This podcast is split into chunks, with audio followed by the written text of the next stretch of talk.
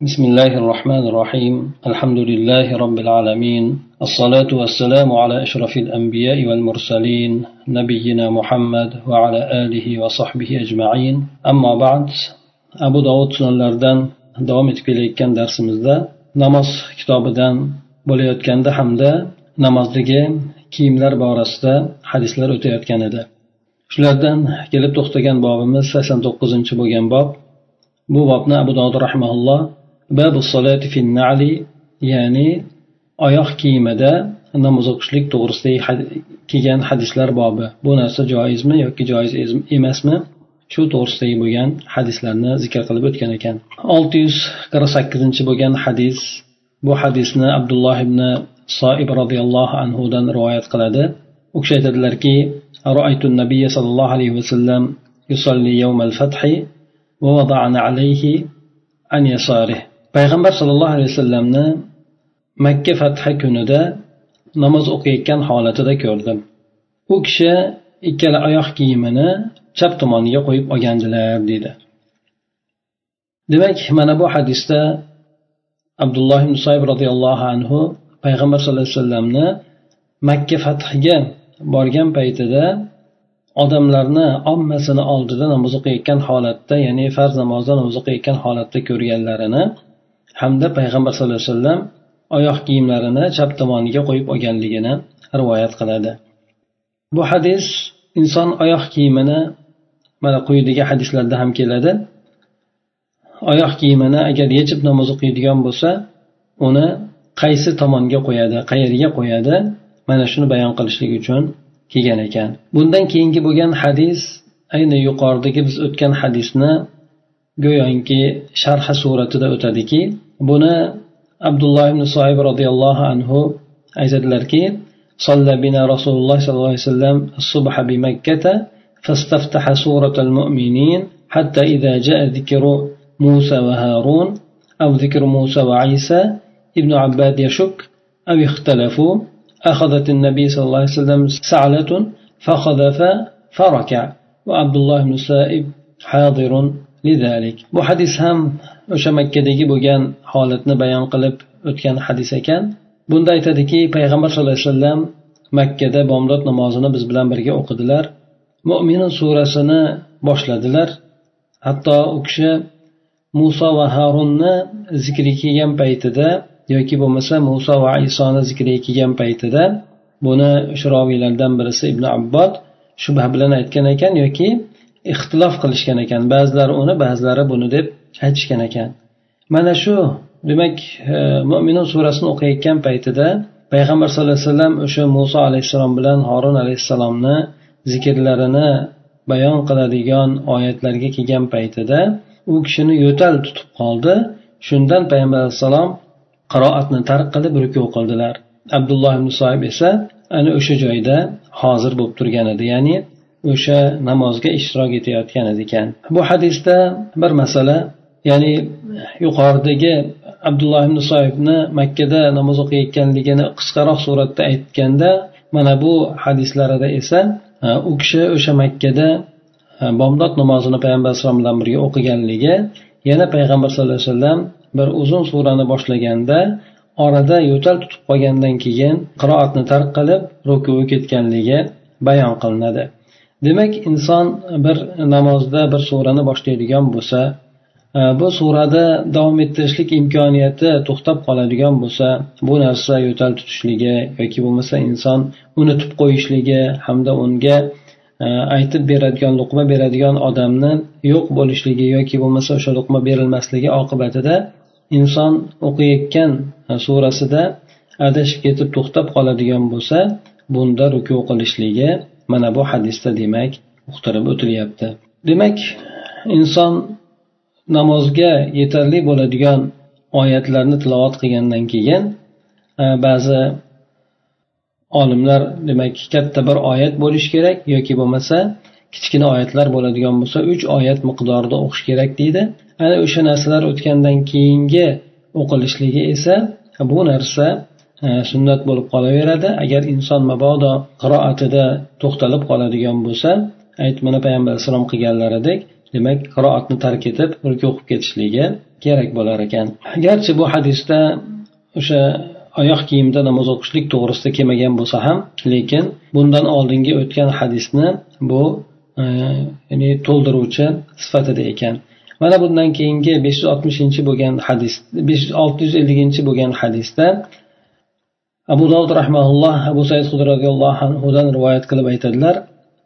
بينما رسول الله صلى الله عليه وسلم يصلي بأصحابه إذ خلعنا عليه فوضعهما عن يساره فلما رأى ذلك القوم ألقوا نعالهم فلما قضى رسول الله صلى الله عليه وسلم صلاته قال ما حملكم على إلقائكم نعالكم نعالكم قالوا رأيناك ألقيتنا عليك فألقينا نعالنا فقال رسول الله صلى الله عليه وسلم إن جبريل عليه السلام أتاني فأخبرني أن فيهما قدرا أو قال أذى وقال إذا جاء أحدكم إلى المسجد فلينظر فإن رأى في نعليه قدرا أو أذى فليمسحه وليصلي فيهما. أبو سعيد خضري رضي الله عنه bu hadisda aytadilarki payg'ambar sallallohu alayhi vasallam sahobalari bilan birgalikda namoz o'qib turgan paytlarida birdan oyoq kiyimlarini yechib oldilar va oyoq kiyimlarini chap tomoniga qo'ydilar.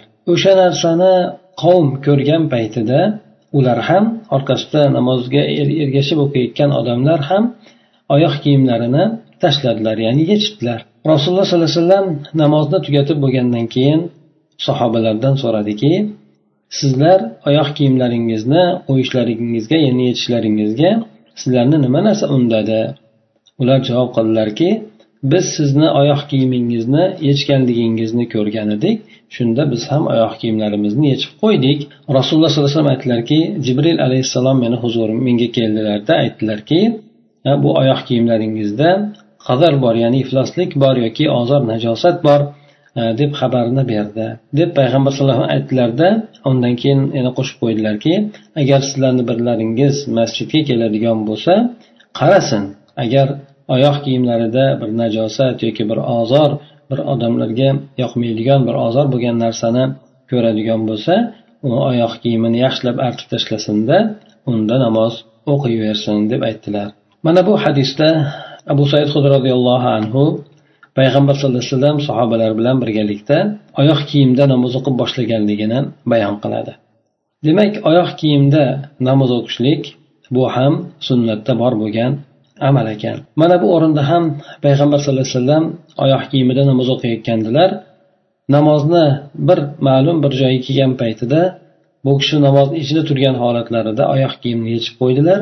Sahobalar ham bu kishiga ergashib yechdilar mana bu yerda ham bir necha masalalar borki birinchidan inson agar namozni ichida ozgina bir amalni qiladigan bo'lsa namozni o'ziga aloqador bo'lgan ozgina bir amalni qiladigan bo'lsa bu narsa zarar qilmas ekan ya'ni namozini buzib qo'ymas ekan undan keyingi masala inson mana oyoq kiyimida boshladi namoz o'qishlikni.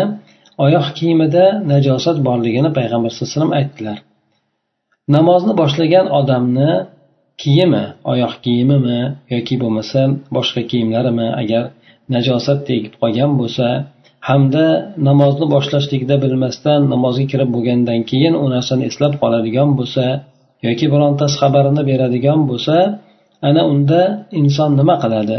Mana bu o'rinda payg'ambar sallallohu alayhi vasallam yechib qo'yishlik imkoniyati bo'lgan agar endi mana avratini satr qilib turgan kiyim bo'lmaydigan bo'lsa uni yechib qo'yishlik imkoniyati bo'ladigan bo'lsa yechib qo'yishligini mana payg'ambar sallallohu alayhi vasallam bu narsani o'zlari qildilar. Agar endi inson kiyimi agar ustki kiyim bo'lib unga najosat tekkan bo'lsa inson namozga kirgandan keyin u narsani eslab qoladigan bo'lsa yechib qo'yishlik imkoniyati bo'ladigan bo'lsa inson namozda turgan holatida yechib qo'yaveradi. Bu bilan namozi buzilib qolmaydi. Xuddi mana payg'ambar sallallohu alayhi vasallam oyoq kiyimlarini yechib qo'yganlari kabi.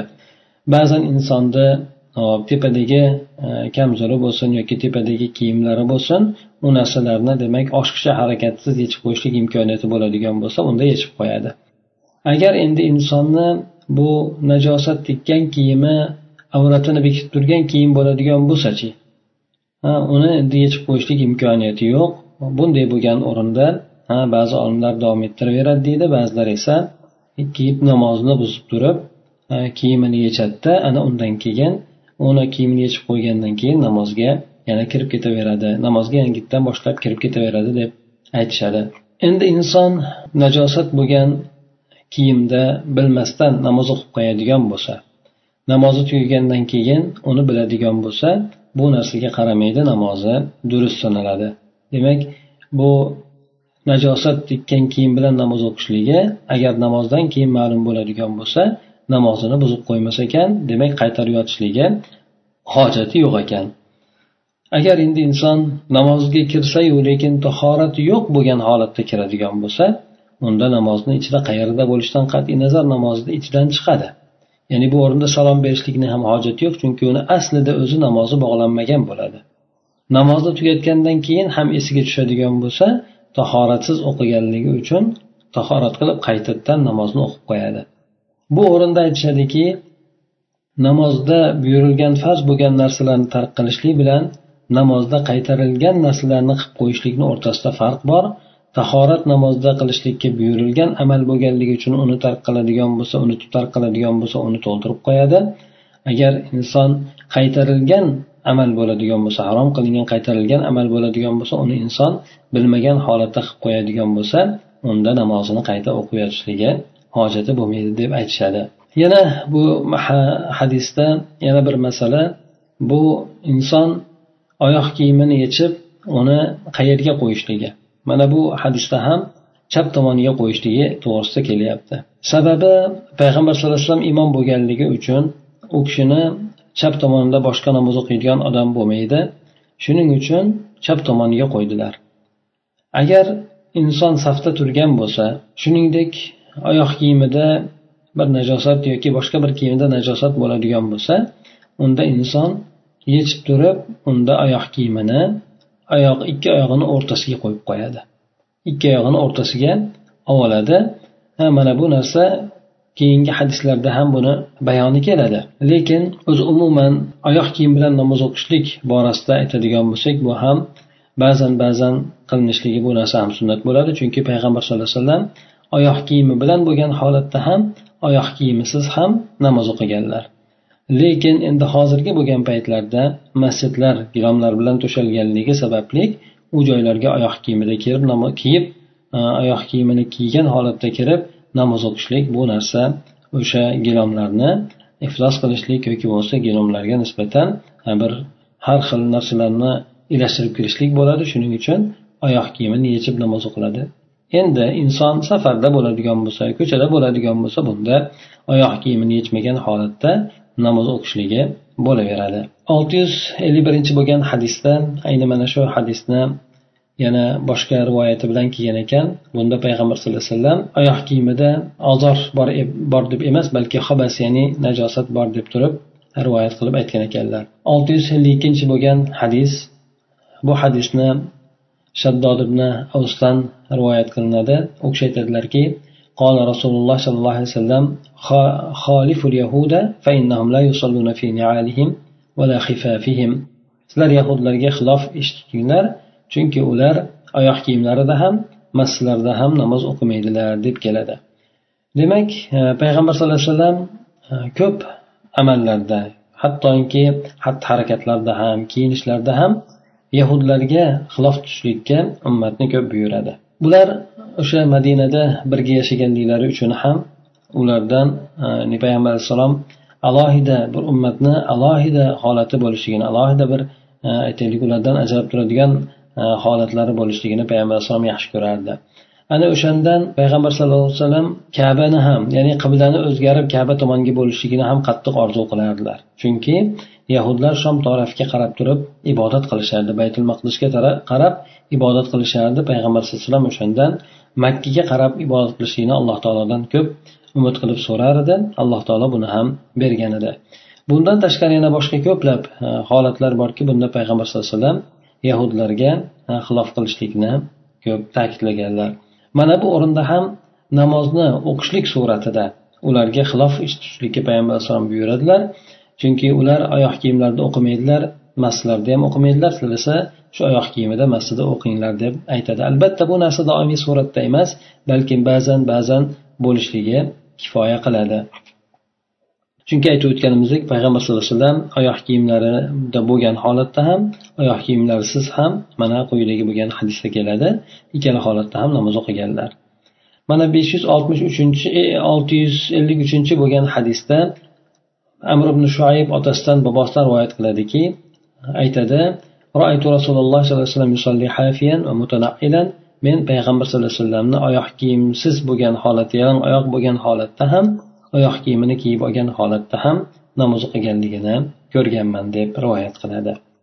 Bu hadis demak payg'ambar sallallohu alayhi vasallam ikkala holatda ham namoz o'qiganligini demak inson e, ba'zan ba'zan oyoq kiyimda namoz o'qib turishligi bu sunnatni ehyo qilishlik bo'ladi. To'qsoninchi bo'lgan bobda keladiki babul musolli alayhi ayna namoz o'quvchi bo'lgan odam agar oyoq kiyimini yechib qo'yadigan bo'lsa ularni qayerga qo'yadi?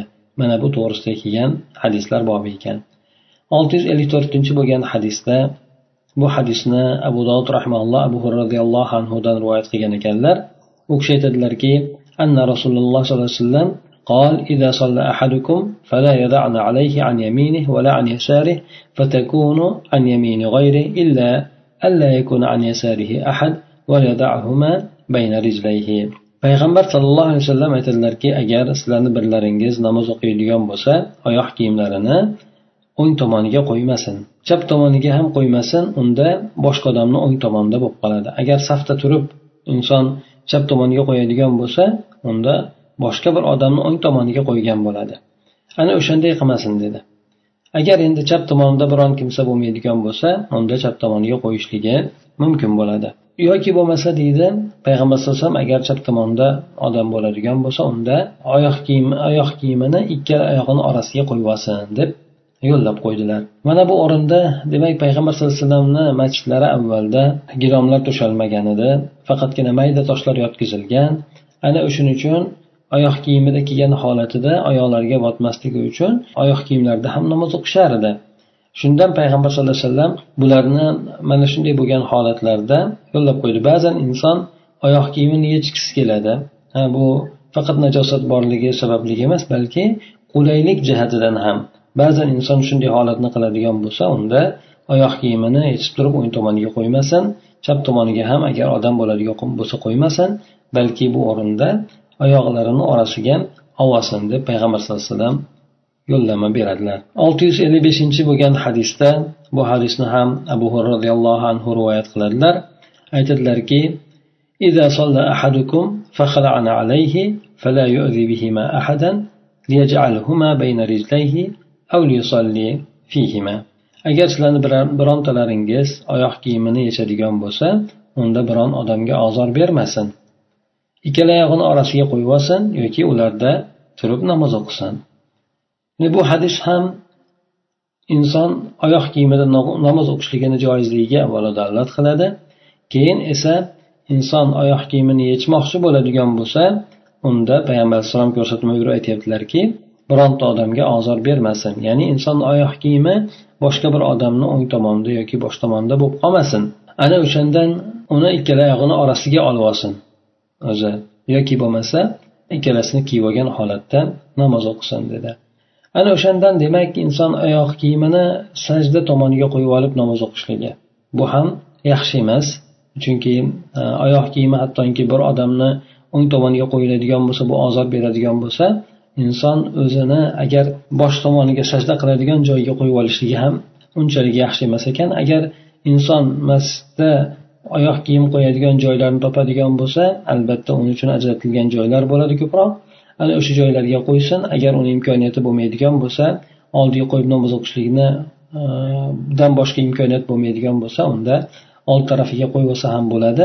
Lekin bu narsa aytib o'tilgandek bir boshqa karohiyati bo'ladi. Lekin bu namozni buzilishligiga yoki boshqa narsalarga ta'siri bo'lmaydi.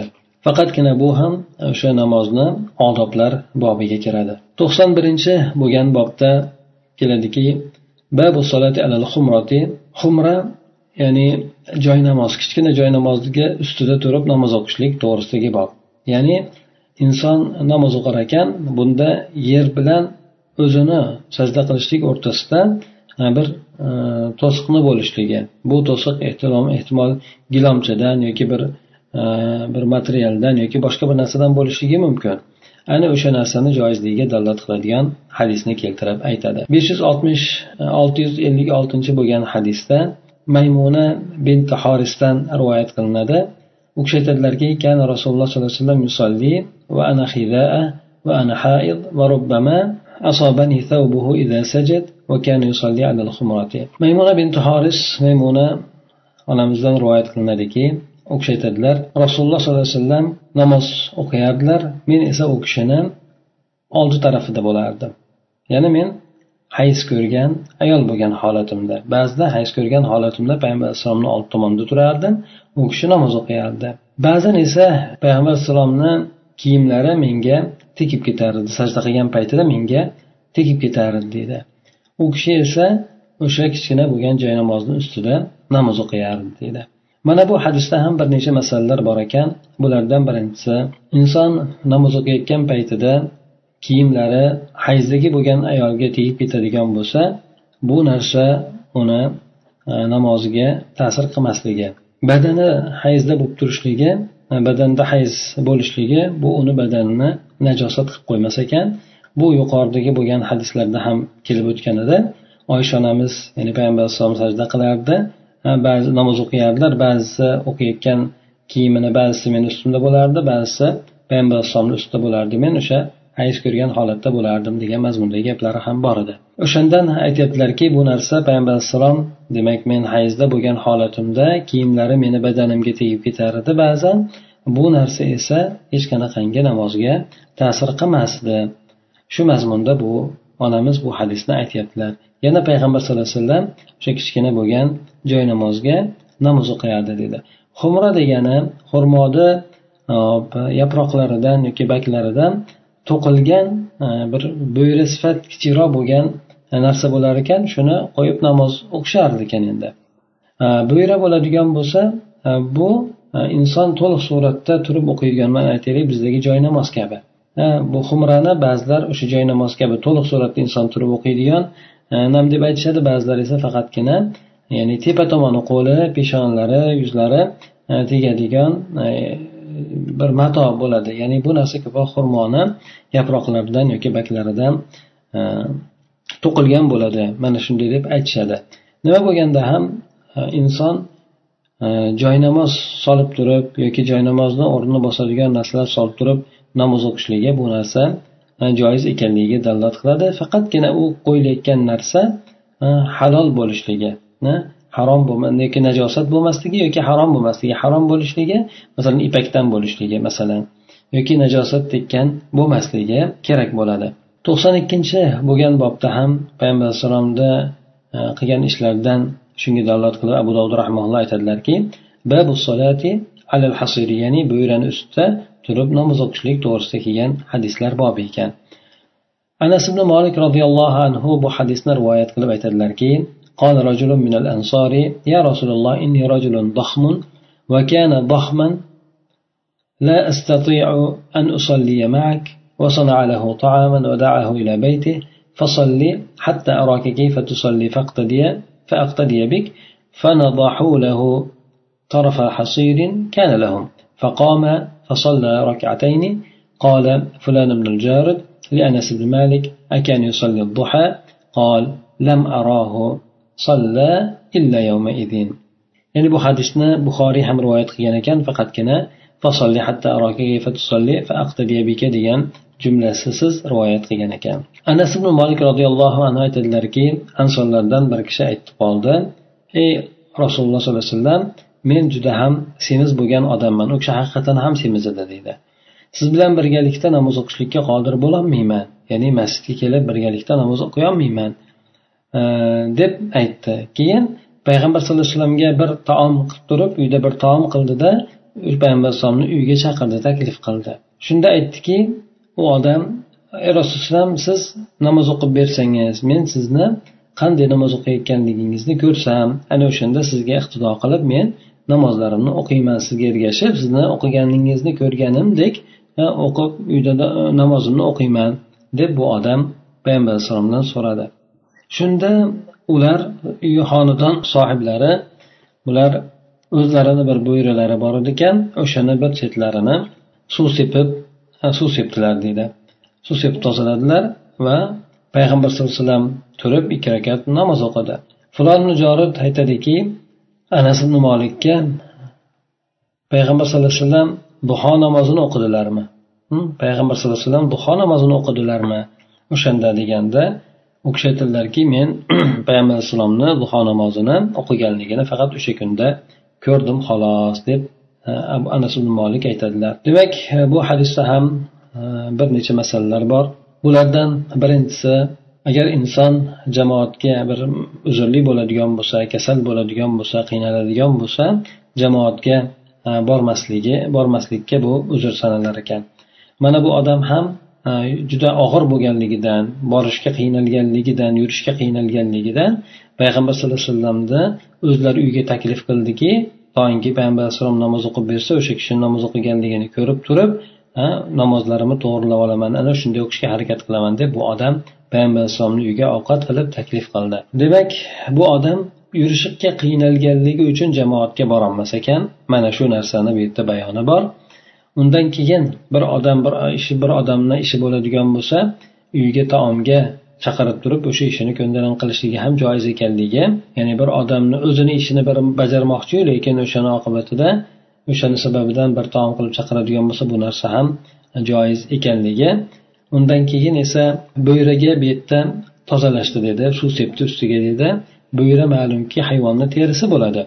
E, bu narsani tozalashda tozalaganligini sababi u yerda najosat bo'lganligi uchun emas ko'plab olimlar aytishadiki suv sepadigan bo'lsa o'sha yumshaydi muloyimlashadi.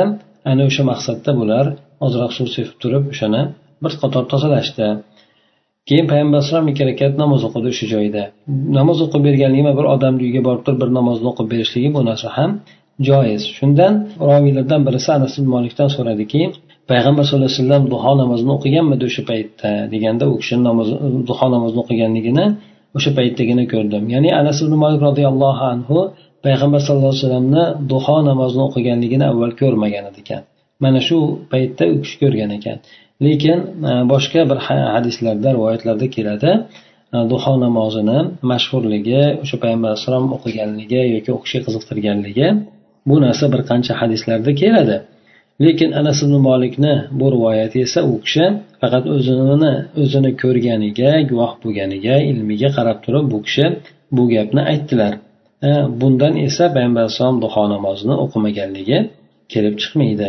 olti yuz ellik sakkizinchi bo'lgan hadisda yana anas ibn molik roziyallohu anhudan rivoyat qilinadi u kishi aytadilarki anna nabiy sallallohu alayhi vasallam كان يزور أم سليم فتدركه الصلاة أحيانا فيصلي على بساط لنا وهو حصير tandahuhu bil mai bu imom buxoriy va imom muslim ham bu hadisni rivoyat qilgan ekanlar anas ibn molik roziyallohu anhu aytadilarki payg'ambar sallallohu alayhi vasallam ummu sulaymni ya'ni onalarini anas ibn molikni onalarini ziyorat qilar edi Ba'zan namoz vaqti bo'lib qolar edi. Namoz vaqti bo'lib qolardi ehtimol farz namozini vaqti bo'lib qolishligi yoki bo'lmasa ehtimol o'sha boshqa bir payg'ambar alayhisalom odat qilgan namoz o'qishlikka odat qilgan namozini vaqti bo'lib qolar edi. Ana o'shanda payg'ambar alayhissalom bizni gilomchamizni ustida turib namoz o'qiyardi. Bu gilomcha degani bu bo'yra edi. Uni u ayol ya'ni umi sulaym suv bilan e, sepib yumshatib ber suv suv separdi ya'ni suv sepib yumshatib berardi. Ana o'shani ustida turib turib payg'ambar alayhissalom namoz o'qiyardi ekan. Demak inson e, bir joy namozlarni ustida turib namoz o'qishligini bu joizligiga dalolat qiladi. E, undan tashqari yana payg'ambar sallallohu alayhi vasallam ayollarni ham ziyorat qilganligi bu albatta mahramlari oldida bo'lgan holatida ularni hollaridan xabar olganligi mana shu narsani ham bu yerda demak foydasi bordir. Undan keyingi olti yuz ellik to'qqizinchi bo'lgan hadis bu hadisga doif deb ishora qilingan ekan lekin bu yerga namoz o'qishlik e, bobi esa holati esa bu narsa sahiydir bu hadisni mug'irat ibn shubadan rivoyat qilinadi. U kishi aytdilarki rasululloh payg'ambar sallallohu alayhi vasallam bo'yrani ustida namoz o'qiyardilar e, va oshlangan terini ustida ham namoz o'qiyardi. Bo'yra bu narsa teridan bo'lishligi mumkin yoki bo'lmasa boshqa narsalarni to'qimasdan bo'lishligi mumkin. Lekin farva esa po'stin bo'ladi. Oshlangan po'stinni ustida namoz o'qiyardi deydi. Bundan inson nafaqat buyurani balki aytaylik biz o'zimizda iste'mol bo'ladigan po'stinlarni ustida ham namoz o'qishligi joizligi aytiladi. Garchi bu hadis zaif bo'lsa ham lekin olimlar aytishadiki agar buyra ya'ni po'stin bu halol bo'la halol ya'ni go'shti halol bo'lgan hayvonlarniki bo'ladigan bo'lsa unda hech qanaqangi muammosiz namoz o'qilaveradi.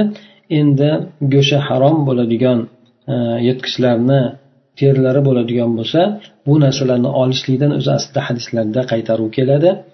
Masalan sherlarni yoki yo'lbars boshqa boshqalarni terilarini inson e, otini ustiga qo'yib olishligi ya'ni otini ustiga yoki tuyasini ustiga qo'yib olishligi yopishligi bu narsalardan hadislarda qaytariq keladi. Ana o'shandan demak bunday narsalarni jaynamoz ham qilib olib bo'lmaydi. Lekin e, oshlangan teri bo'ladigan bo'lsa o'zi aslida u narsa najosatdan poklangan hisoblanadi. Lekin e, yirtqichlarni terilari esa nafaqat bu najosat bo'lganligini e'tibor bilan balki boshqa narsani e'tibor bilan ya'ni u narsa kibrga olib borishligi odam o'zini baland tutishligi shunaqa narsalarni oldini olinishligidan allohu alam bu narsalar e, qaytarilgan. Inson o'qiydigan o'sha posti e, postini yoki bo'lmasa shu buyurasi agar e, oshlangan teridan bo'ladigan bo'lsa halol teri bo'ladigan bo'lsa unda uni ustida namoz o'qishlik joizligiga bu hadis ham dalolat qiladi. To'qson uchinchi bo'lgan bobda keladiki bunda inson o'zini kiyimiga sajda qilishligi. Ya'ni kiyimi o'zidan bir ajralmas bo'lgan bir kiyimi. Inson ustidagi kiyimiga qo'yib turib o'sha narsani ustida sajda qilishligi. Bu anas ibn molik roziyallohu anhudan rivoyat qilinadi. Aytadilarki kunna nusolli ma rasululloh sollallohu alayhi vasallam fi shiddatil harri fa idza lam yastati ahaduna an yumakkina wajhahu min al-ardi basata thawbahu fa fasajada alayhi. Biz payg'ambar sallallohu alayhi vasallam bilan birgalikda issig'ini qattiq bo'lgan paytida namoz o'qiyar edik. Agar birimiz yuzini yerga qo'yishlikka qodir bo'lmaydigan bo'lsa kiyimini yozardida ana o'sha narsani ustiga sajda qilardi deydi. Bu esa payg'ambar alayhisalom o'sha davrlarida bo'lgan rivoyat. Bu narsa albatta bunday amal agar qaytarilgan bo'lganda bundan vahiy orqali qaytarilar edi payg'ambar alayhisalom davrida bu narsani qilinganligi esa joiz ekanligiga dalolat qiladi.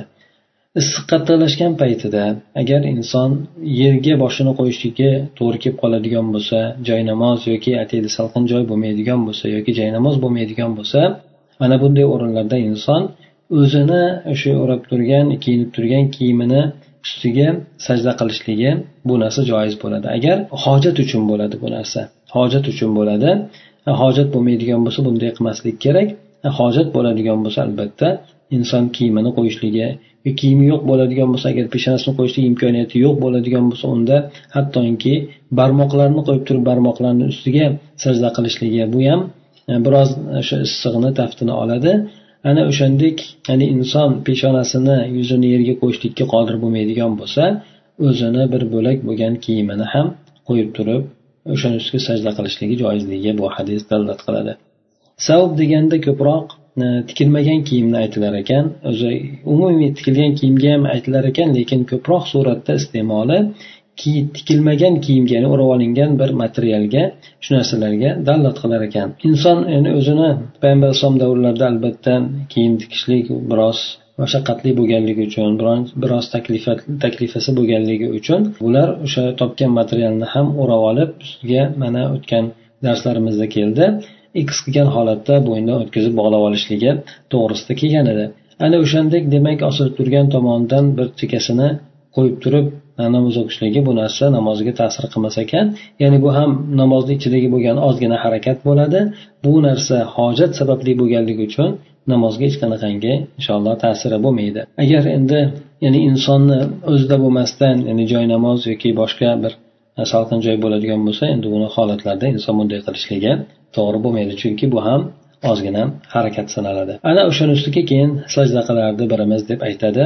Demak e, issiq qattiq bo'lgan o'rinlarda inson mana shunday agar peshonasini yerga qo'yishlikka imkoniyati bo'lmay qolgan o'rinlarda mana shunday o'zini bir kiyimini bir bo'lagiga yoki bo'lmasa u imkoniyati bo'lmaydigan bo'lsa hatto barmoqlarni ustiga ham sajda qilishligi mumkin ekanligiga bu hadisdan shu narsani istifoda qilinadi سبحانك اللهم وبحمدك نشهد أن لا إله إلا أنت نستغفرك ونتوب إليك اللهم انفعنا بما علمتنا وعلمنا ما ينفعنا وزدنا علما